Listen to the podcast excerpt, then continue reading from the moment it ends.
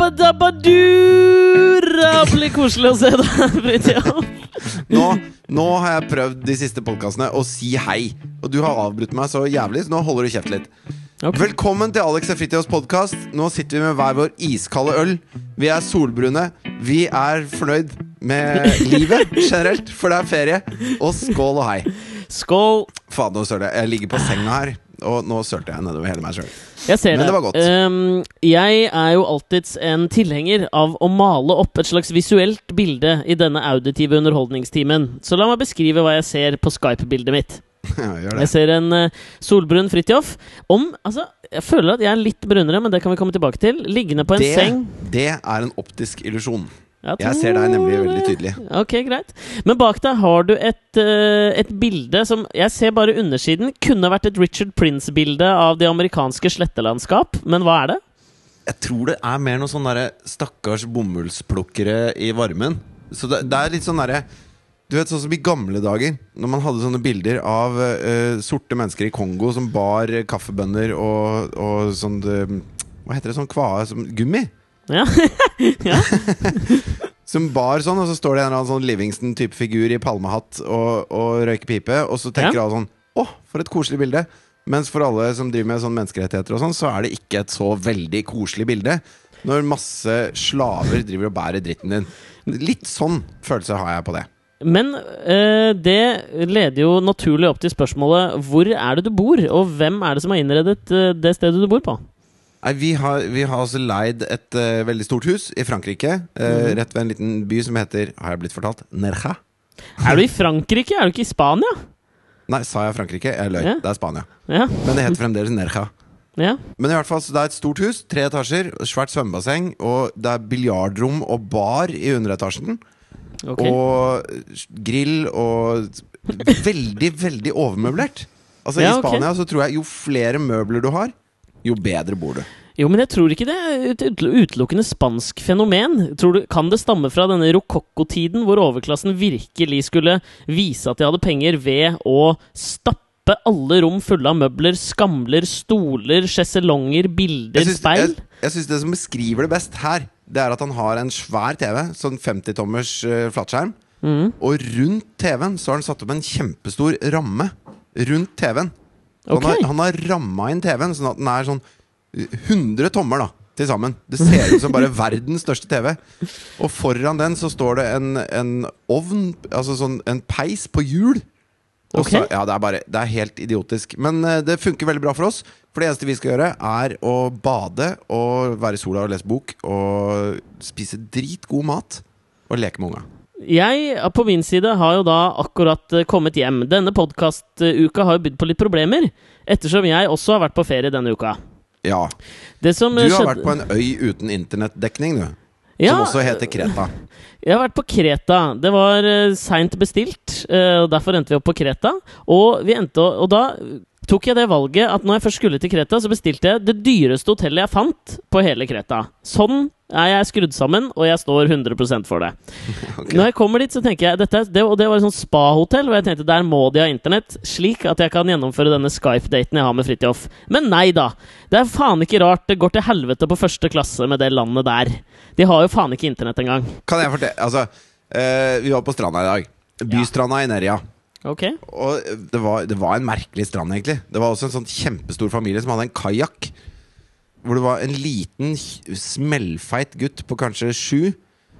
Som, eh, som kjørte hele løpet. Og så hadde han en smellfeit mor, og så en far som var eh, relativt veltrent og dum. Og så var For- det masse, masse sjelden. andre Veldig sjelden eh, familiesammensetninger er på den måten. Altså, Jeg har jo på følelsen egentlig at dumme tiltrekkes eh, vakkerhet framfor hjerne. Hun hadde, hun hadde ingen av delene. Hun. Hun, var, hun var dum, tjukk Hun var et faens kvinnemenneske. Oi, hvorfor det? Nei, fordi at det, da Og de har også en drøss med barn, da. Og så driver han gutten og padler rundt i den kajakken. Og så eh, skal søstrene hans prøve. Hvor det bare klikker for gutten. Og da klikker det også for faren. Så han begynner å, å rise gutten da Nei! relativt hardt på stranda. Hvor gutten skriker og brøler. Og jeg eh, blir eh, Det er få ting jeg blir så forbanna for som sånne ting. Mhm. Eh, så jeg eh, setter meg opp, og Fredrik som jeg er sammen med, blir også veldig sånn eh, Altså, vi, vi blir veldig på alerten, da. Mhm. at eh, dette må ikke gå for langt, liksom. Og så løper han gutten ut i vannet og begynner å crawle. Og så roper moren hans, hun feite lørja som sitter og drikker øl på stranda, at et eller annet sikkert 'kom tilbake, din drittunge', eller et eller annet sånt. Og så uh, roper han et av de fire Et av de fire spanske ordene jeg kan, mens han crawler ut i havgapet, så roper han bare 'Puta! Puta!' Ok. Hvor til slutt, da, et, et, et femte pota, hvor han crawler utover han gutten, så klikker det for hun mora. Så hun beiner over stranda. Nå- Nå ser alle på, liksom, og hiver seg uti og crawler etter. Hun var ikke så tjukk at hun ikke kunne crawle. Nei, hun eh, trengte ikke baderinger, for å si det sånn. Nei, jeg skjønner. Eh, altså, da hun skulle ta han gutten, liksom Han er kanskje sju. Ja. Og så etter hvert så begynner hun å ta han igjen. Han eh, slutter da å rope 'pota' og bare crawler videre utover i havgapet. og, og søsteren hans padler rundt på kajakk og ler av dette her. Og når hun kommer fram da, for å ta han, liksom, så dytter hun bare huet hans under vann. Og da er de ganske langt ute, og da, da reiser jeg meg opp, liksom, fordi at dette her går ikke. Og så gjør hun det to ganger, og så drar hun han med seg sånn delvis etter håret og øret. Og så De fiker til til trynet, og så fyrer faren da opp en joint mens han sitter Og det er bare Og jeg er der, så bare Ja, men faen, hvor er jeg? En eller annen sånn favela i. Brasil, eller hva faen er det som skjer? Men det som er sjukt, da det, det, som, det som er så jævlig med dette her, det er at jeg veit at det, hvis vi hadde grepet inn på noe punkt Den som virkelig hadde fått juling, var jo han gutten, når de da kom hjem. Ja, ja. Så man må ikke gripe inn i sånne situasjoner.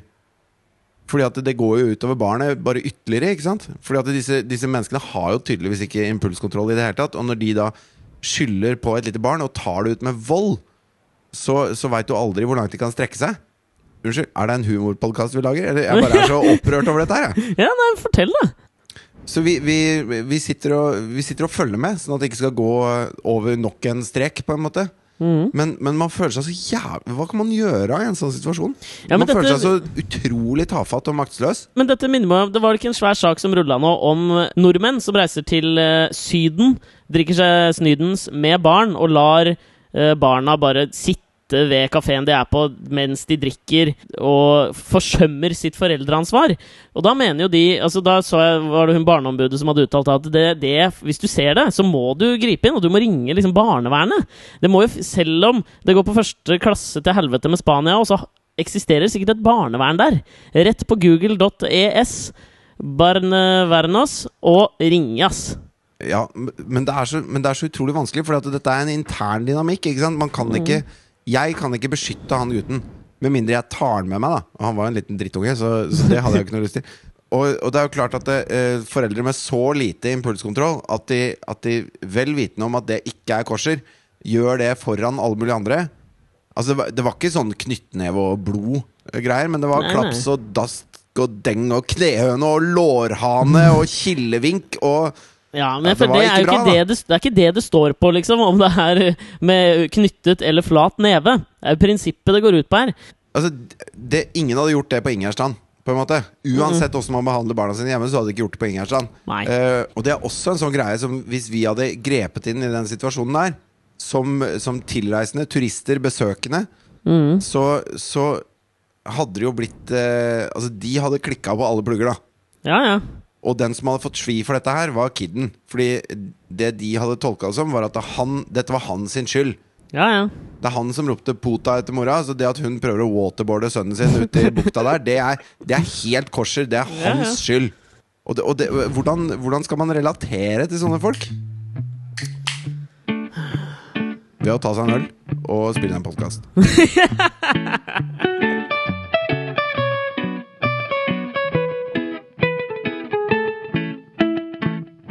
Vi kommer vel vanskelig utenom, som en ukentlig podkast, ukas desidert største nyhet, som kommer fra Storbritannia. Du skjønner sikkert hva jeg sikter til? Skal vi snakke om det? Storbritannias statsminister David Cameron som kunngjør at britiske husholdninger vil bli nettpornoblokkert. Ok, jeg trodde det var den, lille barnet. jeg. Ja, ikke sant? Skjønte For det er jo den store nyheten i alle, alle medier hele tiden. Det er nettopp det. Derfor valgte jeg å gjøre en liten artig retorisk twist på den innledningen der, vet du. kan jeg få fortelle en, en, morsom, eh, en morsom ting om Storbritannia? Klart du kan! Er det ikke derfor vi har en podkast? Jo, men fordi at når, når Kate og William, er det det han heter? Han, Ikke kokketer, da! Klart han heter William. Nei, vet du, Det er så jævlig dust at vi driver I liksom 2013 så holder vi på med at det fins prinser og prinsesser og konger og dronninger som er spesielle fordi de har et annet blod enn andre. Kan vi ikke bare drite i det? Men det var ikke det jeg skulle si. Når de skulle gifte seg, så inviterte de da eh, Altså, dette er jo De har en diplomatisk rolle, også kongehuset. Ja. Så de de inviterte jo masse mennesker. Det var altså blant annet en diplomat fra Nord-Korea var der. Mhm. Det var eh, folk fra alle mulige land. Eh, og de som ikke ble invitert, det var Tony Blair. Oi! Fordi de sier at det er ikke en politisk invitasjon. Det syns jeg er ganske merkelig. Det er jo definitivt vil, politisk en det vil jo si at han der diplomaten fra Nord-Korea, han, han syns de bare er jævlig hyggelige. Han er jævlig rå på feste. Ja, ja. Men ja, han vil altså nettpornoblokkere alle britiske hjem. Har du fått med deg denne saken her? Det har jeg. Dette er en av de veldig få sakene jeg har klart å konsumere denne uka eh, internettfri. Som jo er litt, eh, litt ironisk i seg selv. Jeg leste den på, på VG-nett eh, her på flytoget på veien hjem. Et, Ja. en, nok en liten ironisk twist på dette syns jo jeg at uh, den personen som har skrevet den, saken, i hvert fall den jeg leste i VG, VG heter jo da Køm Venda til etternavn. Noe som jeg lo litt av for meg sjøl. Men Ja, Men det er deilig. dette her har jo fått meg litt til å tenke. For i utgangspunktet så tenkte jeg jo liksom Nei, vet du hva, dette er jo et, eh, et inngrep i eh, privatlivet som, som jeg tenker Det er ikke greit. Vi kan ikke, eh, vi kan ikke la myndighetene gripe inn på, på dette. Altså, Argumentasjonen var vel det at man på denne måten kan beskytte barn for å komme over uh, ulovlig porno, voldtektsporno, alt dette her som ikke er greit. Ikke sant? Ja, altså uh, det, var, det var todelt, det Cameron går efter. Fordi For det første så er det jo det at han blokkerer det for alle husstander. Og så må du selv ringe internettleverandøren din for å si at 'jeg vil gjerne ha porno'. Ja, det er jo også Det er en liten sånn fascinerende sak ved dette her, fordi Og, så, og da sier de 'ok, vær så god, her er porno'. Ja. Så du må gjøre en aktiv handling for å kunne søke på porno. Ja. Eh, men eh, den andre delen var jo dette med at han ville forby det som kalles for rape porn. Ja. Som jeg ikke visste var et begrep, men som jeg nå har lært eh, i nyhetene. Ja. Som er at folk simulerer voldtekter som, som pornofilm. da ja. Og så, kan du liksom søke på rape porn, og da får du opp eh, filmer av damer som oppfører seg som om de blir voldtatt, men det er ikke en voldtekt. Hvem vet om det er Og- en voldtekt eller ikke? Ja, det, det vet man jo faktisk ikke. Nei. Så dette er jo bare Det er en, en, en styggedom, liksom. Og Ja, ja. det må man til livs. Så den biten av det Altså, rape porn kan vi gjerne bli kvitt her. Jo, men altså Ja, fullstendig enig. Men Så, er så det, det trenger man egentlig ikke blande med den andre tingen han foreslo, tenker jeg. Nei, det er det jeg mener jeg også. Fordi jeg har tenkt på dette i to deler. skjønner du Fordi det første jeg tenkte, var jo liksom Jeg syns ikke dette er greit. At, vi skal, at man skal invadere folks privatliv på den måten. Så begynte jeg å se for meg liksom den samtalen man måtte ha. Hvem, hvem er det som svarer på de samtalene hvor du ringer inn? Hei, eh, ja, jeg ringer angående Og så får du den derre valg eh, Tast, ta en tast sånn Nå, nå skal du ringe og vil ha porno. Ja, Bare. dut, dut. Eh, Hei, Telenor. ja, hei, dette er Alexander Nyhagen i Helgesens gate i Oslo som ringer. Hei, hva kan jeg hjelpe deg med? Jeg vil gjerne ha porno tilgjengelig hjemme hos meg. Ja, har du den der, det, numre, det lange nummeret under ruteren din? Ja, 1, 3, 6, 8, 4, 3, 4, 5. Ja. Det er Alexander Nyhagen, ja. Eh, hvor gammel er du? Jeg er 29. Ja, Er du i et fast forhold? ja. Er du fornøyd med sexlivet ditt? ja. Ja, men du vil ha porno. Ja, men ok. Men da meg- åpner vi for porno hjem til deg. ja, men jeg ser for meg Alex. sånn der, du, du må gjennom alle de der hvor du må rangere fra 1 til 5. Ranger sexlivet ditt på en skala fra 1 til 5, hvor 1 er svært misfornøyd, 5 er veldig fornøyd. Hvor ofte har du samleie? ja. På en skala fra 1 til 5, hvor ofte vil du Nei, selv altså, si dette er et reelt spørsmål. Hvor ofte har du samleie? En gang om dagen. En gang om dagen. Ja. Når, når er det du skal bruke denne pornoen? Hva med mobilporno? Holder ikke det? Jo, men mobilporno, altså det er jo det samme fordi Må du ringe en annen leverandør for å få porno på mobilen også? Da må du ringe Så bare Eller oppjusteres de innstillingene automatisk. Ja, det er det jeg lurer på. Vi samler opp all informasjonen om deg og videreformidler til alle dine eh, kontakter. Det hadde jo vært litt skummelt, det òg. Plutselig så får jeg sånn Jeg har, driver og bestiller bøker fra Amazon, så begynner jeg å få sånn der pornotilbud derfra. Jenna Jamesons biografi. Eller bare si sånn Du, eh, personen på Get, eh, kan du ringe OneCall? Ja. bare, så, jeg få, så jeg slipper å ta den samtalen her en gang til. Kan du bare ordne så jeg får porno på OneCall også? Det er litt sånn som når man bytter forsikring. Så vi sørger for at vi sier opp din gamle forsikring. Vi ordner alt. Bare si hva du vil ha. Jeg vil ha porno. Ja. Det, jeg, synes det er så, jeg leste om en fyr i, i USA. Det, altså, det er ikke morsomt. Han, han har vært eh, Jo, men det er morsomt, men det er ikke morsomt. Skjønner du? Ja. Men eh, han heter J. Matthew Riley. Han er 21 år, og han er opphengt i barneporno. Ok. Så han har vært inne på flere forskjellige nettsider og lasta ned barneporno. Og så uh, fikk han virus på maskinen sin. Ja. No shit, Sherlock. Ja. Det får du ofte på de sidene der, sikkert. Ja. Og da dukker det opp en sånn I det viruset, da, så sier det sånn Warning, FBI is watching you. Oh, ja. Og han skjønte ikke at det var virus, så det han gjør da, er å ta med seg laptopen sin under armen og gå til politiet og melde seg selv for barneporno. Hva? Som jo er helt fantastisk. Politiet bare Takk. Ok, tusen takk, og der er laptopen din, ja. Ja. Der var det masse bilder. Du skal i fengsel. Takk til deg. Så han fikk vite etterpå at dette var et virus som ikke hadde noe med FBI å gjøre. Og jeg syns vi, Virus er noe jeg ikke liker på datamaskin, men dette er den eneste gangen dere har vært nyttige. Og jævlig nyttige også. Ja. Digg at han er i fengsel, ass. Ja, men jeg har jo tenkt litt på dette her som ikke dreier seg om barneporno og rape-porno og alt mulig sånn. Fordi det første tanken min var jo som sagt da dette er ikke greit. Men så begynte jeg å liksom tenke litt sånn Tenke litt videre på det. Fordi altså den misogyne pornoindustrien altså, det er jo vanskelig å virkelig liksom stille seg bak og tenke at det er ikke noen problemer med denne industrien. Det, det, det kan vi være enige om, eller? Det er en skitten jævla Ja, det er jo det. Og da tenkte jeg at hvis man da tilfører det å se på porno såpass mye skam som dette tror jeg vil medføre Altså Se for deg samtalen i de hjemmene hvor du får tilbake regningen. Altså Ingen i et fast forhold vil liksom kunne står, det, står det på fakturaen din 'Du har akseptert porno'? Og så bare ja, med, jeg, jeg trodde det var noe helt annet de spurte om. Unnskyld, liksom. Altså, er det, er det sånn at man må ta det opp i fellesskapet hjemme?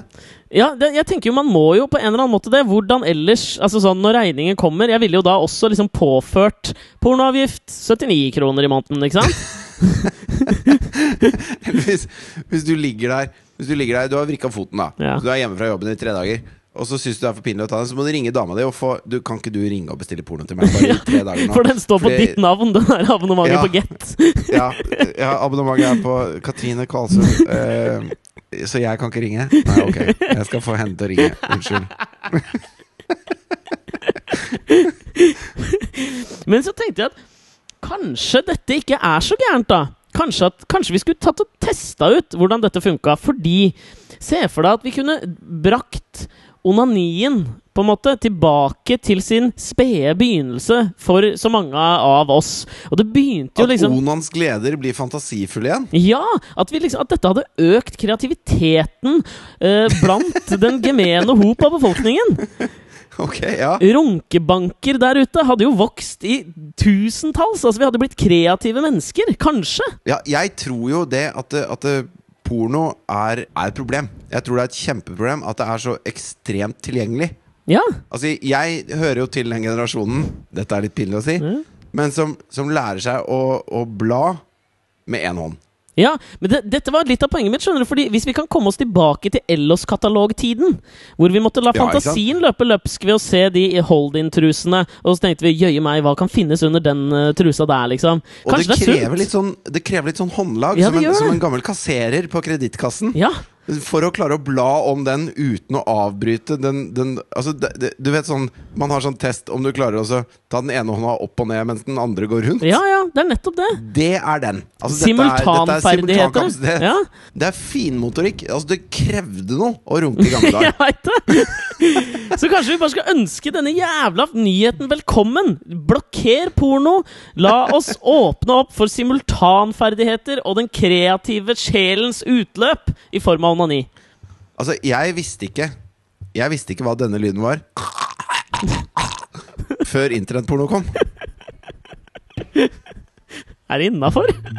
Nei, den er utafor den siste der. Den ryker. Det gjør den ikke, ass! Jo.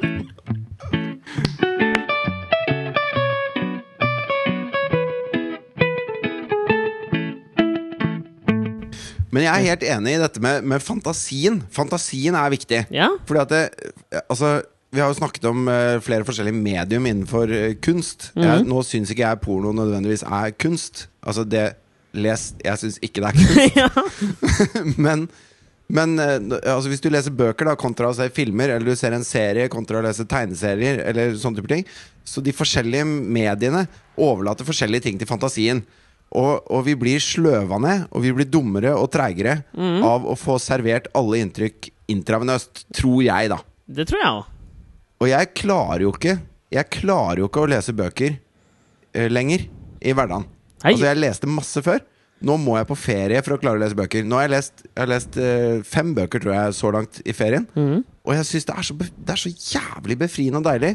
Og jeg føler at hjernen min funker bedre, da. Mm. Jeg må komme en liten uh, En lite sidespor Og der også. der, der tror jeg vi skal gi uh, oss selv og uh, både mannlige og kvinnelige lyttere en utfordring. Og det er at nå må de onanere og finne, finne sitt happy place. Ja, jeg er helt enig. Og det, Ja, skjønner du hva jeg Ja, for jeg tror til og med Jeg tror liksom rewarden vil bli større. At det, du, at det blir en sånn kumulativ prosess. Sånn at rewarden, når du klarer det da, blir en større orgasme. Hva er det vi prater om? Nei, jeg vet ikke, men du, Apropos det der at du har lest masse bøker må, det, det kommer som et lite sidespor. Jeg skal snart komme meg tilbake til det vi faktisk prater om her, som er onani. Men det der, den rituelle handlingen å plukke ut bøkene du skal ha med deg på ferie Fy fader, er det noe som kan sidestilles med det, eller? Svaret mitt er nei. Det, er den, altså det å gå gjennom du, setter, du har pakket hele bagen klar. Og så setter du deg ned liksom, foran bokhylla og så tenker du gjennom alle sinnsstemningene. I hvert fall det er det jeg gjør. da Alle sinnsstemningene jeg kommer til å være gjennom denne ferien. Bøker som kan passe til det. Hva skal jeg lese da? Hvordan kan jeg lese da? Jeg må ha lette, tunge, engelske, norske, kanskje noe annet. Fy fader, det, det er kanskje en av min favorittbeskjeftigelse når det kommer til det å reise på ferie. Er det lille kvarteret hvor jeg kan sitte og plukke ut de bøkene. ass Enig eller uenig? Enig. Og jeg har, jeg har plukka ut veldig mye forskjellige bøker. Jeg har plukka ut to bøker om finanskrisen, finanskrisen, som er faktabøker. Eh, En som heter Big Short, som jeg anbefaler til alle. Eh, Den er helt fantastisk, og den, den leser som en thriller. da Fordi at dette er jo dette er jo, eh, det er jo skurker, og det er folk som lider under skurkene. Og det er, det er helt forferdelig syke historier. Så den om, de to om finanskrisen var kjempebra. Og så plukka jeg med en som var litt i drøyeste laget, som heter Økonomisk apartheid. Om nyliberalismens kapitalisme. Som jo er så langt opp på venstre som du kommer. Ja, ja. Men eh, når jeg åpna da, så på, allerede på side tre så var det grafer og kakediagrammer. Jo, men og, og det med, med, med sand mellom tærne og en iskald korona i hånda var tungt, da. Jo. Det var for tungt for meg da. Ja, jeg skjønner hva du mener, men samtidig det, det er det jeg mener, fordi du må skape den perfekte kombinasjonen. Kanskje på litt samme måten som du må, da, hvis du må bruke fantasien din til å få øh, utløsning. På samme måten kan du liksom overføre dette til den derre du skal lage en organisme av bøker som fungerer i alle sinnstilstander for deg. Når du ligger på stranden der, så må du tenke liksom gjennom hvordan kommer jeg til å oppleve den da, den da. Og så kan du vekte dem opp mot hvis jeg har lest den først, så kommer denne til å føles lettere. Eller den, da kommer jeg til å trenge noe tyngre. Det er jo, det er jo en deilig det jo, Men det er jo bare Det er én ting som alltid funker. Hva er det? Porno. Nei da. Men det er én ting som alltid funker på stranda, og det er True jo krim. Blood, True Blood-filmen Nei, True Blood-bøkene. Sånn husmorporno kunne kanskje funket. Nei, men altså når Jeg leser Jeg har også lest masse krim, da. Mm. Jeg har lest uh, Politi med Jon Esbø, og så har jeg lest et par sånne Jussi Adler-Olsen og noe Kepler og noe greier. Ja. Og det funker jo som juling. Altså Da blir jeg jo sittende i timevis og rive side etter side og syns det er dritfett, liksom. Uh, men det gjorde jeg også med de der, eh, de der eh, finanskrisebøkene, fordi de leser som en krim. Fordi at du har skurker, og du har dramaturgi, og du har hele greia. Jo, men skjønner Men, men det å sette seg ned og lese sånn eh, beinhard faglitteratur, skjønner det ble for mye. Jeg er helt enig, men det er det ikke fascinerende også når man ligger For nå, altså, Dette blir jo en veldig ferierelatert podkast, men for faen, det er jo der vi er nå, på en eller annen måte. Eh, jeg syns det er så innmari fascinerende når jeg ligger ved bassenget, som jeg har gjort nå i en uke. Og det eneste man gjør, er jo Når du ikke leser eller er liksom oppslukt av det du gjør sjøl, så ligger du og ser på andre mennesker, ikke sant? Og det jeg merker Ja, at jeg gjør, er at jeg vurderer Altså sånn, jeg har ingen grunnlag for å vurdere dem ut ifra uh, annet enn hvordan de ser ut, liksom. Og så ser jeg også på hva, hva er det de ligger og leser. Og jeg føler at når du har veldig lite grunnlag for å vurdere personer, så blir de få tingene du kan plukke opp, liksom Det, det betyr enormt mye når jeg liksom danner meg de små historiene om parene og de enslige som ligger rundt der. ikke sant? Så Hvis jeg ser at en leser liksom Jussi Adler Olsen, da, som det var overraskende mange som leste rundt der jeg lå, så har liksom der, de er ganske kule. ja, da har jeg liksom tegnet meg et bilde av dem. Og så tenkte jeg over det at herregud, jeg, jeg sender jo ut de samme signalene selv. Ikke sant? Det tenker man aldri over. Man tenker jo aldri over det. Og, det, og den samme tanken slo meg ikke bare når det gjaldt bøker, men det som det dreier seg om når du er på liksom sydenferie, som vi jo begge har vært eller er på nå. Det er jo at det, det du har mest kontakt med på sydenferie, er liksom kroppen din. Det er veldig mye fokus. Du skal smøre kroppen din, du skal passe på at du ikke blir brent. Så skal du ha på liksom aftersun. Du ser på andres kropper, du skal være tørr. Du ligger alltid med veldig lite klær. Jeg får aldri et så nært forhold til min kropp når jeg, som når jeg er på ferie. Og også andres kropper. Vet du hva jeg tenkte på i går? Jeg, etter at jeg hadde vært på stranda, så dusja jeg, tørka meg, smurte meg inn med krem. Ja, Fordi at det må jeg etter en dag i sola, Ja. for ellers så jeg har en sart hud. ja men det må alle. Det må alle. Og så eh, tok jeg på meg boksershorts, og så tok jeg på meg skjorta. For da skulle jeg liksom pynte meg litt, skulle spise middag. Mm. Og så sto jeg så på meg selv i speilet, og så tenkte jeg sånn Vet du hva, Fridtjof, du ser mye bedre ut med skjorte, bare skjorte, enn du gjør med bare shorts. ok! Hvorfor Så jeg det? skulle egentlig ønske det var sånn at det folk hadde på seg på stranda, var bare skjorte. Ja, ikke sant? At vi snudde det opp ned.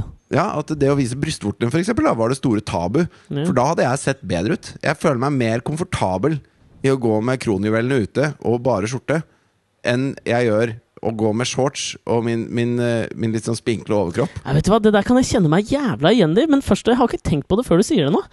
Jeg føler at jeg eksellerer når det kommer til underkropp. Men overkroppen Fra ja, hofta ned er jeg, er storfornøyd. Ja, jeg. Det er mer fra hofta og opp til halsen at jeg ikke er fornøyd. Det trynet mitt har jeg blitt vant til, så det kan jeg leve med. Fader heller, kanskje vi skulle begynne å prøve å bryte noen tabuer? Kanskje det er vår internettblokkering? At vi rett og slett snur om på strandliv? Ja, Men da må man begynne å ha sex med brystvortene, og sånn, for da må det bli liksom tabudelen av kroppen. Sånn Armhuler og brystvorter og sånn. Jeg vet ikke om jeg har lyst til å fronte en slags sånn armhule-brystvortetrend innenfor porno. Ja, det kan fort bli det neste rape-porn, det, altså. Du, apropos porno, forresten. ja, jeg tror ikke du trenger å si apropos lenger. Nei, ok. Eh, Siden vi er inne på porno Ja, Vi får jo stadig vekk nye sånne uh, folk som følger oss på vår Facebook-side. ja vi Gå inn og og gjør ja. det, da. Alex og Fritjofs podkast på Facebook. Ja, gjør det. Og da, da har jeg en sånn app som heter Pages, hvor jeg kan gå inn og så se på sida vår og se, få litt sånn stats og litt sånn. Det syns jeg er gøy, da. Mm. Jeg er litt sånn statistiker. Jeg liker tall. Ja. Og da ser jeg også hvem Av som oss har blitt to så er det jo du som bryr deg om de tingene der. Ja, jeg liker tall. Og, så ser jeg da at vi har fått noen nye followers, og så, og så trykker jeg på den knappen for å For da ser man eh, da, Altså det står bare et sånt tall, sånn fem nye followers. Og så trykker jeg på den, og så er det sånn ok. Og så er det bitte, bitte små bilder av meg. Og så ser jeg det ene bildet er bare en rumpe. En, en kvinnerumpe Oi! i G-streng. Jøye meg. Og så blir jeg nysgjerrig, da. Jeg trykker på den rumpa, Ja. flippes tilbake til Facebook og inn på profilen hennes. Mm. Eh, og, og hun har da en blogg som heter somduvill.blogg.no. Det er jo skamløs eh, produktplassering av meg. For denne sexbloggen som denne kvinnen som følger oss, har, da. Okay. Hun kommer til å sette enormt stor pris på temaene i denne ukas podkast. Hun er glad nå Ja. for at hun følger med på Alex og Fridtjof podcast. Men jeg, jeg lurer bare på Dette er en 23 år gammel jente fra Oslo Mm. som skriver en sexblogg om hvordan hun plukker opp fremmede mennesker og, og, og gjør uh, alskens ting med de. Ok. uh, Er det litt sånn Fifty Shades of Grey-opplegg, eller? Ja, kanskje. Altså, hun, hun lever ut alle sine seksuelle fantasier og skriver om dem i denne bloggen, da. Men veit vi, vet vi at det er ekte? Altså Det er jo alltid sånn, føler jeg. Det alltid Dette kan godt være en 50 år gammel mann fra Mjøsa også. Det kan- er, altså, jeg er helt åpen for den muligheten. Men la oss gå ut ifra at uh, i internettverden er alt på ordentlig. Ja, altså, Skal vi gjøre det? ja, vi Bare gjøre- for moro skyld? Altså I mitt hode nå så er den personen bak denne bloggen han fyren som sto og dusja naken nede på stranda hos deg. Det er mitt mentale bilde av bloggforfatteren. Men, men i hvert fall det jeg, det jeg stusser på, da, det er at det, hun som bruker da eh, så mye tid på å gjøre dette, Mm. på, på, på at folk skal like hennes erotiske historier om sitt eget sexliv, Mm. som 23 år gammel jente i Oslo Hun er også veldig fan av eh, det at vi sitter her og prater piss. Jeg lurer på hvor er linken? Kanskje vi treffer såpass bredt, da, at selv denne aseksuelle formen for underholdning Eller for faen, jeg har jo faka en orgasme i denne podkasten nå! Det er jo ingen bombe at hun liker denne her! Jeg synes Symbolet på hvor bredt vi treffer, er at rett over denne jenta på, på hvem som har blitt våre nye followers, Ja. så var Knut Bakkemoen, altså den aldrende plateanmelderen i VG. Kurt Bakkemoen! Ja, Eller var ikke det jeg sa? Knut. Eller som, okay. eller som han blir kalt av musikkanmelderen i Dagbladet. Få høre. Nei, det er snurt. Bart Kukkemoen. Ja, det ligger jo i korta. Ja.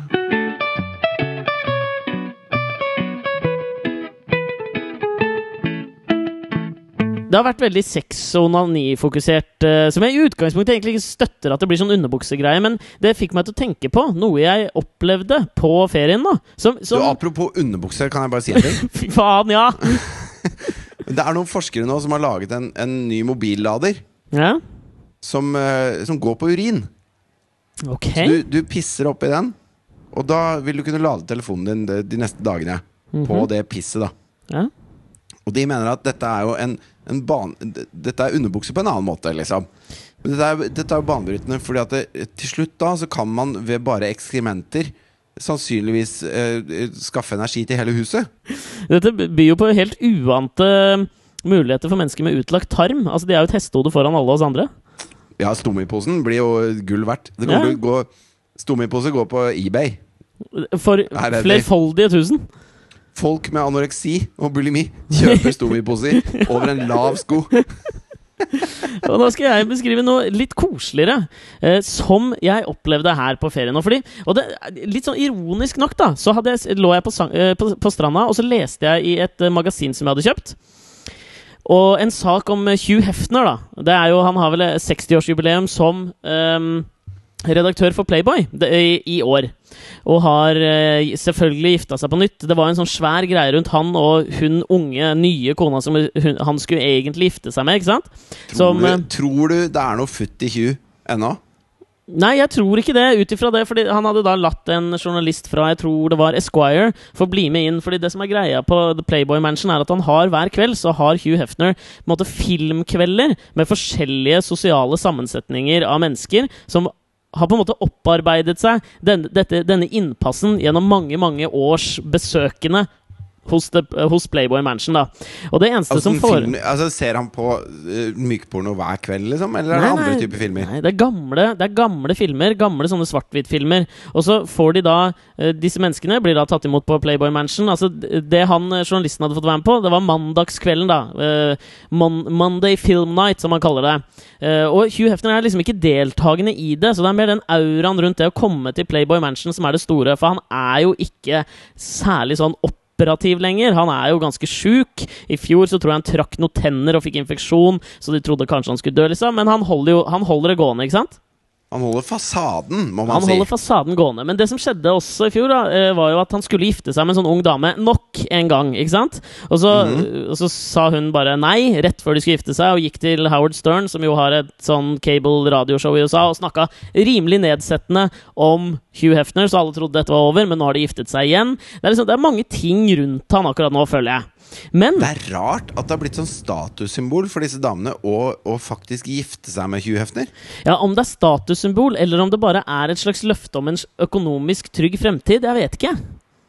Jo, men jeg, jeg, jeg opplever at uh, At for de uh, Altså, hver gang det kommer sånn i et eller annet blad eller en avis eller et eller annet at Hugh Hefner har gifta seg på nytt, så er det en råstolt dame som da blir intervjuet av hele verdens medier om at hun har gifta seg, og så sier hun 'jeg elsker han', og er, det er noe spesielt med oss to, og alle de andre 17 Playboy-modellene han har gifta seg med. Ja, men du, Det Er fascinerende her Sånn at er at ja, men du, Han har bare vært jo- gift Han har bare vært gift her- tre ganger.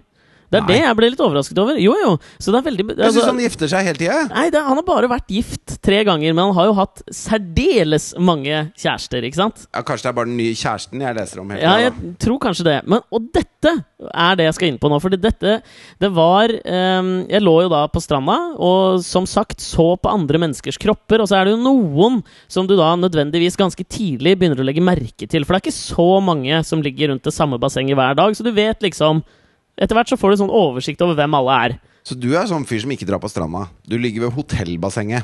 Ja, Det var ikke så mye sånn strandtilbud akkurat der vi bodde, for det hotellet lå på en veldig veldig høy klippe. Så det var ikke så veldig sånn strand akkurat der.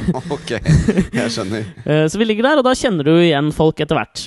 Mm, og så var det et par jeg ganske tidlig la merke til, litt fordi de kom sammen med oss fra Norge, eh, som jeg på en måte lå litt og fulgte med på hele uka. Og det var da en eh, middelaldrende mann og en svært, svært gammel kvinne. Ehm, og eh, ut ifra det jeg trodde, så tenkte jeg liksom sånn Det var ikke han Søviknes? ja, Jeg tror han gikk omvendt til verks. ja. Men kanskje han bare, i frykt for å liksom bli tatt for noe på nytt igjen, bare går Ja. helt motsatt? Ja, hadde jo vært den trygge måten å gjøre det på, men nei, det var ikke Terje Søviknes. Denne mannen hadde hake. Ok. Ehm, og så d- dante jo jeg, som jeg sa da, så dante jo jeg meg den historien om hvem de var. ikke sant? Så jeg hadde dannet meg det flotte Og det var så romantisk for meg på et eller annet nivå. Hvor jeg så at hver morgen så kom de ut, og hun gikk med liksom sånn krykkestokk. Du vet, sånn med tre Ok, hvor, hvor gammel var han? Han var, han var rundt 50. Ja, Men jeg kommer til det. ok, ok Hun gikk med stokk, ekstremt gammel, men de la seg ned på de samme solsengene hver eneste dag. Eh, og det som var så Akkurat som deg og dama. Ja, ja, ja. Alle, Ja, ja. Man får liksom faste plasser på en eller annen måte. Ikke sant? Rundt Eh. det smørgåsbordet som er bassenget. ikke sant? Og jeg syns det var så flott, da, for jeg tenkte jo umiddelbart at dette er en eh, middelaldrende mann som har tatt med sin særdeles gamle mor på en slags sånn siste opplevelse før hun skal dø. Nå skal du få endelig oppleve Kreta, Knossos, eller hva pokker man finner på Kreta av severdigheter. Men det gjorde de jo ikke. De bare lå der på stranda, nei, på, ved bassenget. Og Var du på Knossos? Nei, jeg har vært der før. Du vet at det første fungerende toalettet er på Knossos? Du vet også at de har rævkjørt de eh, ruinene, fordi de lar jo turistene bare tråkke på alt. Så når du går rundt der og blir omvist nå, så er det jo ingen som vet hvordan ting så ut der. Alt er bare helt ødelagt, og det er jo litt synd. Men tilbake til historien. Ja, på Knossos var jo der minotauren var. Det var også der de, de lagde vinger eh, med voks og, og fløy ut av minotauren, minotaurens labyrint. Minotauren var da et, menneske med, med, med oksehode, var det det? Ja? Ja. Men det som er fascinerende med Knossos, er jo at eh, det var det første stedet hvor de lagde rør som var brede i den ene enden, og så smale, i den andre. andre. Ja. Sånn at vannet akselererer i de rørene. Og det er en teknologi vi bruker den dag i dag. Og det ble oppfunnet på Knossos for at dronningen skulle drite i fred. Fascinerende, og en kulturarv som jeg vil velge å påstå er i ferd med å gå tapt. Uansett, tilbake til Ja. da historien. Videre. Hver dag så ligger de da ved bassenget, og det er, så, det er så nydelig, den historien jeg har diktet opp i hodet mitt om deres samvær. Fordi han, han, er så, han er så myk og god mot denne gamle, gamle dama. Og han sprayer henne og smører henne inn med høy solfaktor.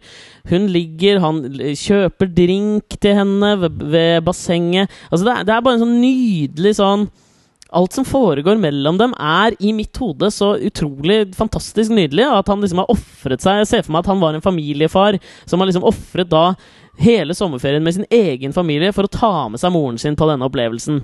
Ja. Og så eh, visste jeg jo at de var norske, siden de, de kom eh, sammen med oss og hørte dem prate sammen. Så den ene kvelden hvor vi eh, satt ved, skulle ut og spise middag, så møter vi dem i hotellobbyen. Og så tenkte jeg sånn Nå kan vi jo prate med dem. I hvert fall si hei. Så jeg går bort og sier liksom hei, hei. Jeg så at dere var norske, så jeg tenkte hvordan, hvordan har dere det, liksom? Og de var så koselige, og ja, nei, vi har det så bra, og dette er så koselig, og, og så sier jeg, så tenkte jeg liksom sånn Nå skal jeg uttrykke da denne min beundring av hans oppofrende natur. Og så glemte jeg jo litt at dette var jo jeg som hadde diktet opp denne historien i hodet mitt, om hva det var som foregikk. Så jeg sier liksom sånn Du, jeg syns det er Jeg må bare si Jeg syns det er så innmari flott dette at du tar med deg moren din på en sånn tur. Og jeg har jo sittet og sett det, og jeg syns dere dere ser ut som dere har det så fint sammen. Og så blir det liksom stille mellom oss, og så ser de sakte, liksom, på meg begge to med et rart uttrykk i ansiktet. Og så sier han til meg Å ja, eh, det er ikke moren min. Vi er gift. Åh, det her gjør så vondt, Alex. Du bare sånn du ser, du ser det ligger en salat der. Og så går du, nå skal jeg bare gå og så tråkke litt i den salaten. Så skal jeg trekke ut den skuffen her. Så skal jeg bæsje litt i den skuffen. Åh, Men åssen redder du deg ut av det?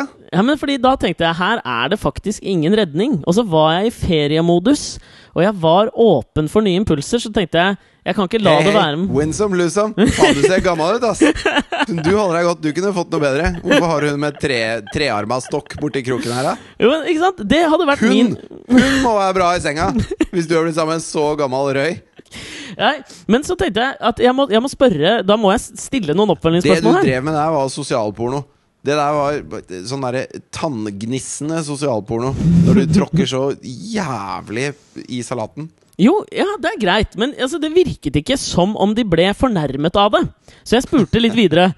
Så spurte jeg dem eh, Men du, hvor gamle er dere? Dere får sikkert det spørsmålet ofte, sa jeg. For da tenkte jeg nå har jeg tråkka så dypt i denne salaten at jeg kan ikke tråkke noe dypere. Ja. Og så sa hun at hun var 80, og så sa han at han var 50. Uh, og så møtte de hverandre da han Da var er det relativt korser av deg å stille spørsmål. Da er det ikke du som har dritt deg ut. Nei, nei. Og så sa han at de hadde truffet hverandre da han var 20, ikke sant? Og hun var 50. Og blitt sammen.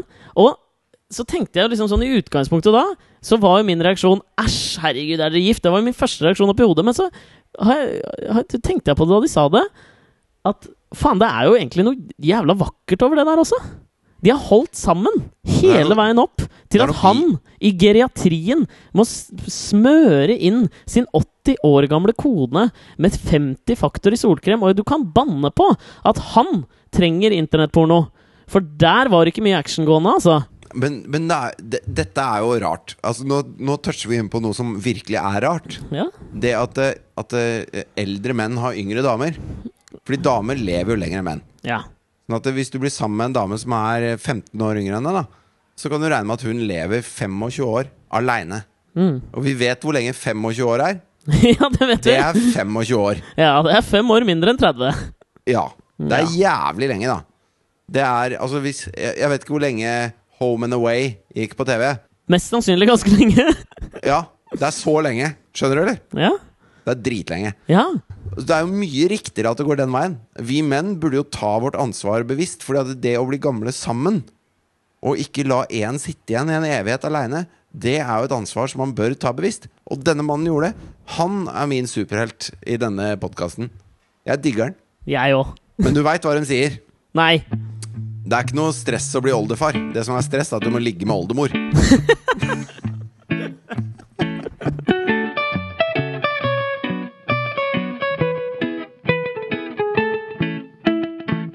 Alt dette vi har prata om nå, har fått meg til å tenke på en sak jeg har lagt merke til i det siste. Hvor jeg har sett at veldig mange mennesker som jeg er venner med på Facebook, har begynt å like Ekebergparken sin eh, Facebook-side.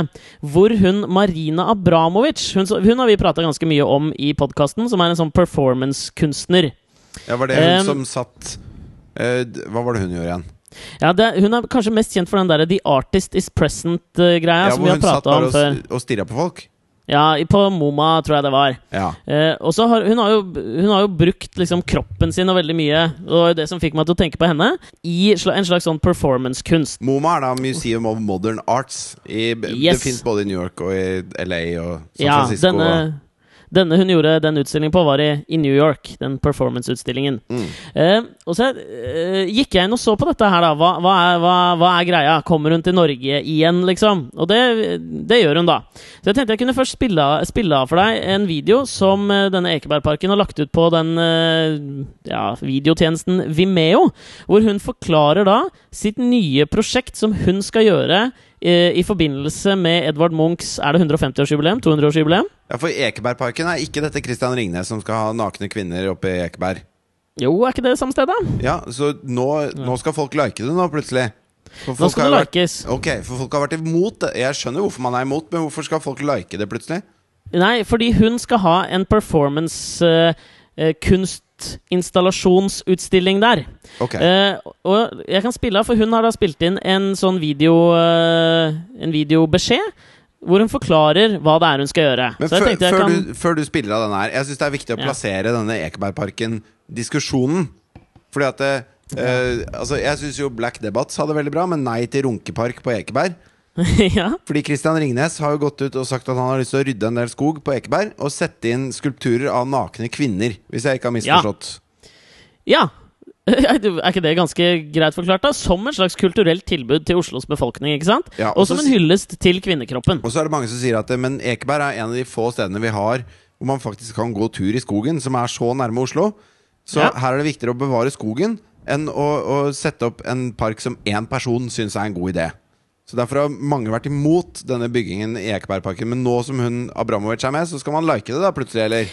Jeg antar at dette er et uh, skritt i retningen uh, av at man skal gjøre det. I hvert fall fra Ekebergparkens side. Få med en av verdens mest kjente kunstnere til å gjøre noe som vil uh, gjøre at folk glemmer dette, den debatten som har gått Ja. før. Men hvis du har sett videoen til Black Dabbat, så er det ikke så lett å glemme den med det første. Hvor de har bundet seg nakne fast i trær oppe i Ekeberg mens de synger Nei til runkesti på Ekeberg. Ja, for så vidt sant, men kan man kalle Black Debate et marginalt band? Jeg vet ikke. Nei, men jeg syns at de veldig ofte har veldig gode poenger. Det har de. Men nå skal du få høre Spesielt på, på låta Mongo Norway. Nok om det. Nå skal du få høre det er Marina Abramovic eh, oppfordrer da oss nordmenn til å bli med på for å feire Edvard Munch og skape en blest om Ekebergparken. Hello, citizens of Oslo. My name is Marina Abramovic. I'm an artist. Last September, I visited your town and I went to see the Eckenberg Park and uh, also shown the location from which Edvard Munch is actually painting the Scream.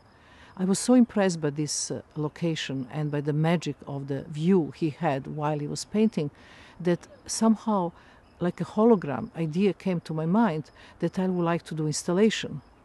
So to do this installation, the citizens of Oslo, I really need your help. From the age 10 to 110 is possible. I want you to come to Ekeberg Park and in the same position with Edvard Munch in Paint the Scream, I want you to scream.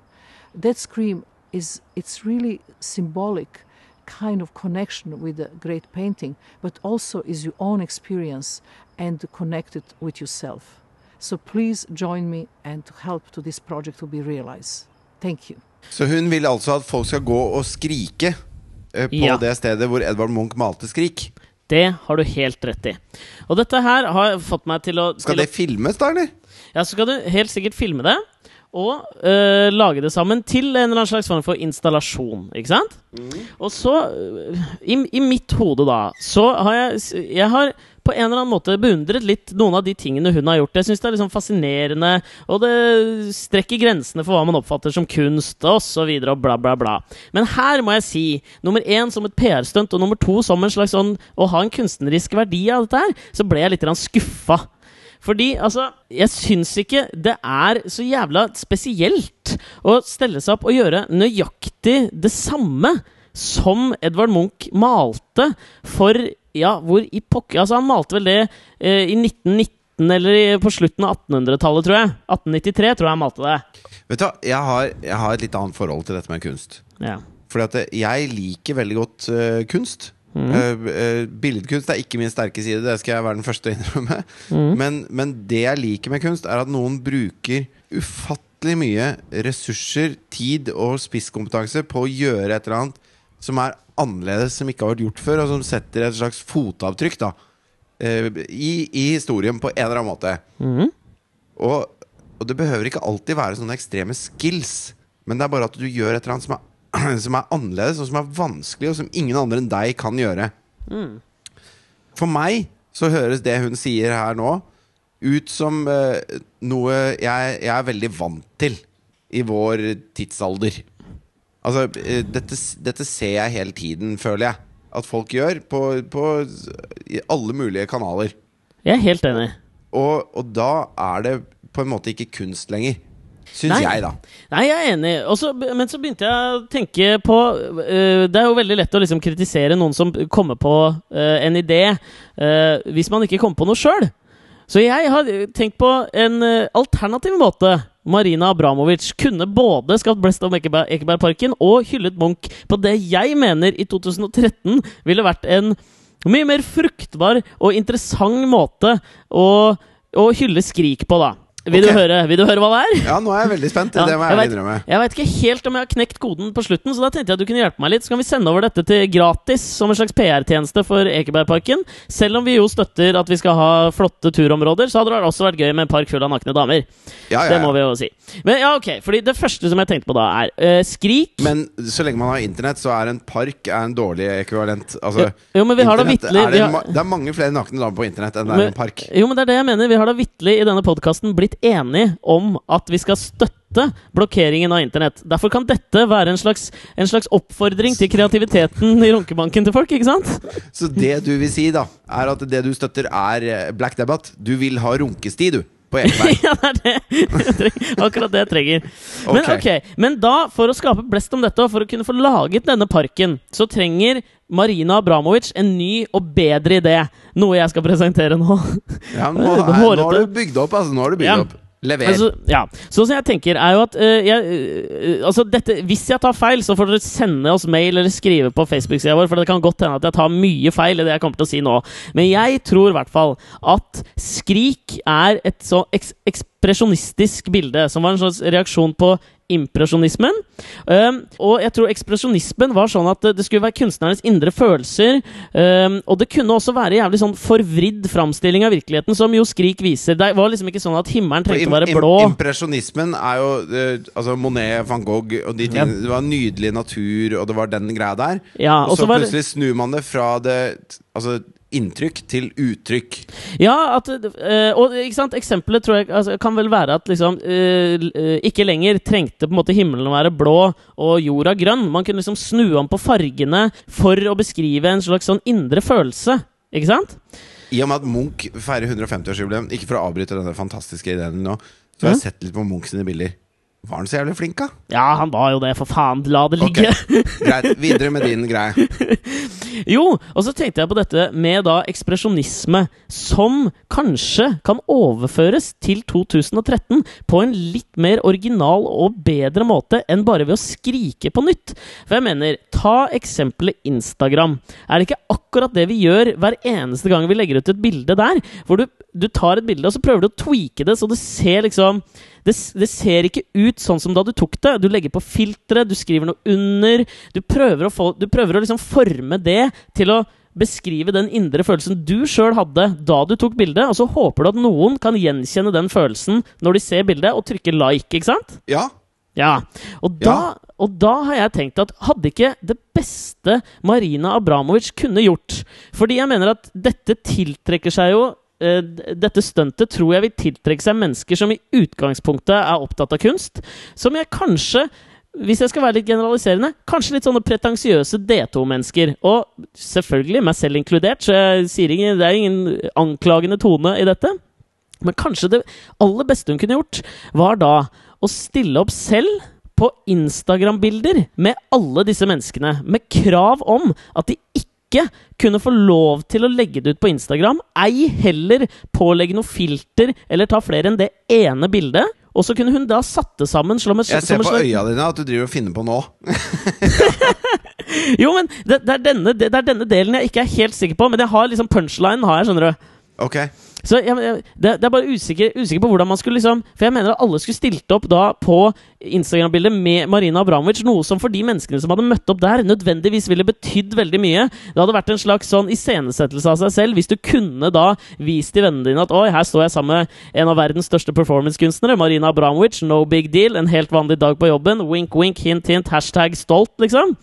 det er, som å, det er som å stå på knærne inne på The Oval Office med en sigar i munnen foran Bill Clinton. Ja, det er no, det er, du får likes, liksom. Ja, ja, ja. Ja, men og med kravet om, da du sto der, at du ikke får lov å dele det på Instagram. Dette skal bare være en del av et slags an- anonymt lappeteppe av bilder som uttrykker det samme redselsscenario som Edvard Munch prøvde å øh, beskrive med Skrik.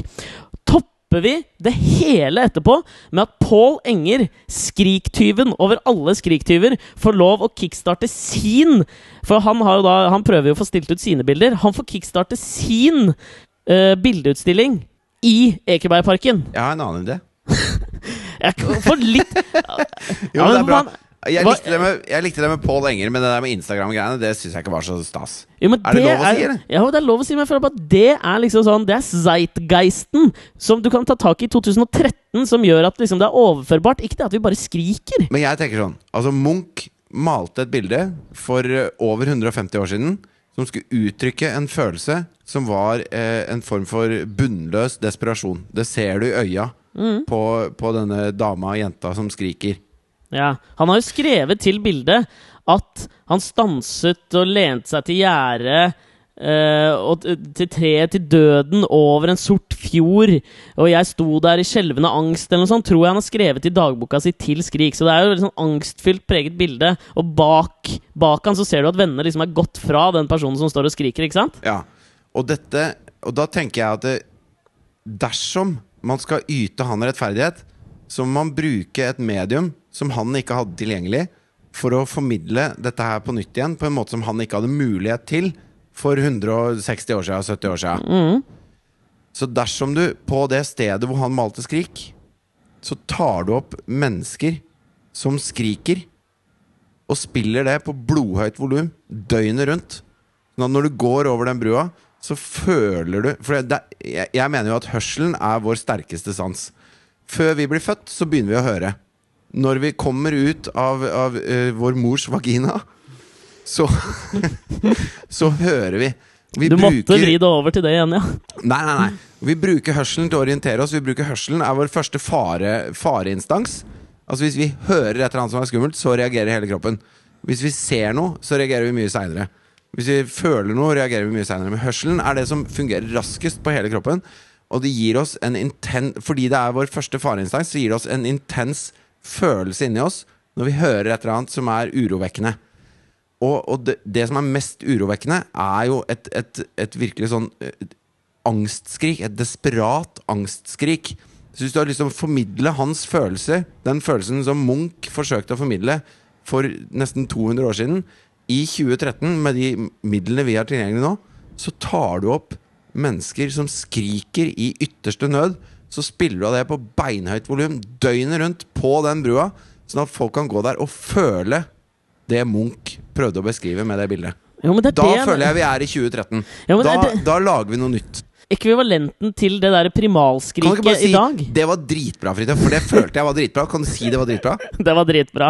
Men jeg har lyst til å legge inn den lille dagens Det. Instagram-bildet, hva faen er det med Instagram som du er så opptatt Jo, men jeg, ja, men jeg mener at det er Altså, det å søke bekreftelse og ikke få det, er Altså, det som i 1893 var det primalskriket han lette etter, det kan overføres til de menneskene som vil tiltrekke seg dette, som et ikke-bekreftelsesbehov på nettsamfunn.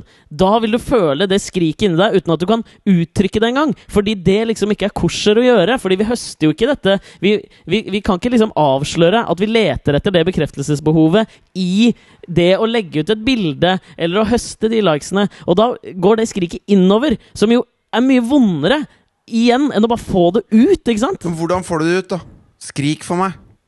Nei, jeg kommer ikke til å skrike, men måten du får det ut på Skrik, da! Nei, men jeg har en Få høre et angstskrik. Nei, det er det som er poenget. At du, du får det aldri ut. Og måten du får det ut på, som jeg tror da kan være løsningen igjen for å runde opp dette her, er at det blir for lett da å gå hjem og skru på noe porno bare for å få ut denne følelsen inni seg, så hvor bildene blir presentert for deg. Da må du komme hjem, ha blokkert nettilgangen på porno hos deg selv. Du må fantasere det opp i deg selv, sånn at du kan skrike ut et runkebank primalskrik med en enorm fornøyelse over at du selv har klart å sette deg i denne euforiske situasjonen. En, en ejakulerende seiersrunk Ja. for fantasien. Ja! Det er det du er ute etter? Ja! Hvis hun hadde levert det, da hadde du vært der. Da Da hadde hadde du stått på broa. Og runka.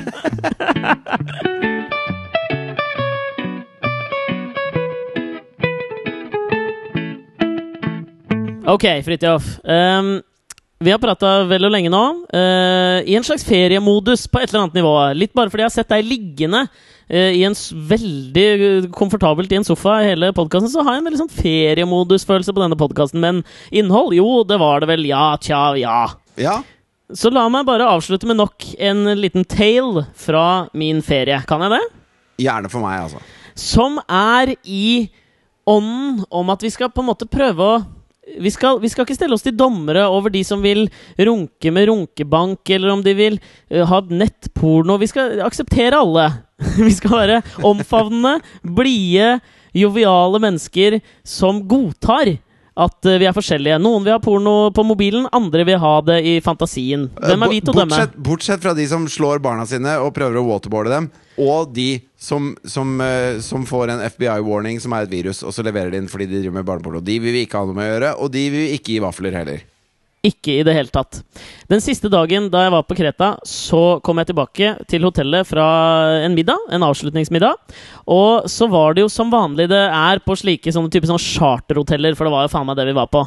Ja, Så var det en uh, underholder, og du det er, Han var den mest stereotype underholderen du kan se for deg, ikke sant? altså en entertainer. De hadde leid inn en entertainer for kvelden. Ja. Og min første innskytelse, litt som med det gamle paret, var jo litt sånn Jeg lo litt uh, da jeg tenkte at uh, Da jeg fikk vite at de var gift. Og av han lo jeg litt da han kom der med hockeyen sin, som var selvfølgelig sølvgrå, sort dress, sto og spilte bare korg. Uh, keyboardet sitt og hørtes helt jævlig ut. Han hadde funnet opp sin egen engelsk, kunne ingen sanger, det hørtes helt jævlig ut. Og så sto jeg liksom og så på han og lo litt, men så så slo det meg at denne fyren her står hver kveld og gjør det han liker aller best, og folk rundt, de nyter det. Og hvem er jeg da til å sette meg til dommer over hans fantastiske, herlige livsstil? Det var et deilig resonnement. Det likte jeg, Aleksander. Ja, så jeg tenkte jeg kunne avslutte. Nå hører dere jo sikkert alle at musikken ligger litt sånn under her, for jeg tok opp at han spilte da 'Imagine' av John Lennon. Selvfølgelig med en helt egenkomponert tekst. Så jeg tenkte det var en fin måte å da avslutte denne ukas podkast i humanismens tegn, med å spille denne greske trubadurens versjon av John Lennons fantastiske låt 'Imagine'. Nå skal vi høre denne greske tribaduren.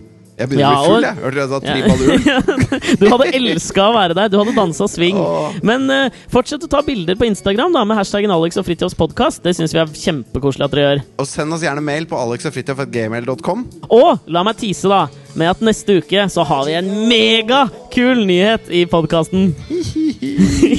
ja, vi har det. Ja, vi har det. Så da lar vi denne ukas podkast renne ut i tonene av Jeg kaller den Janis sin uh, Imagine. Vi snakkes om en uke, Fridtjof. Sayonara, sucker. But I'm not the only one. I hope someday you join us, and the world will be as one.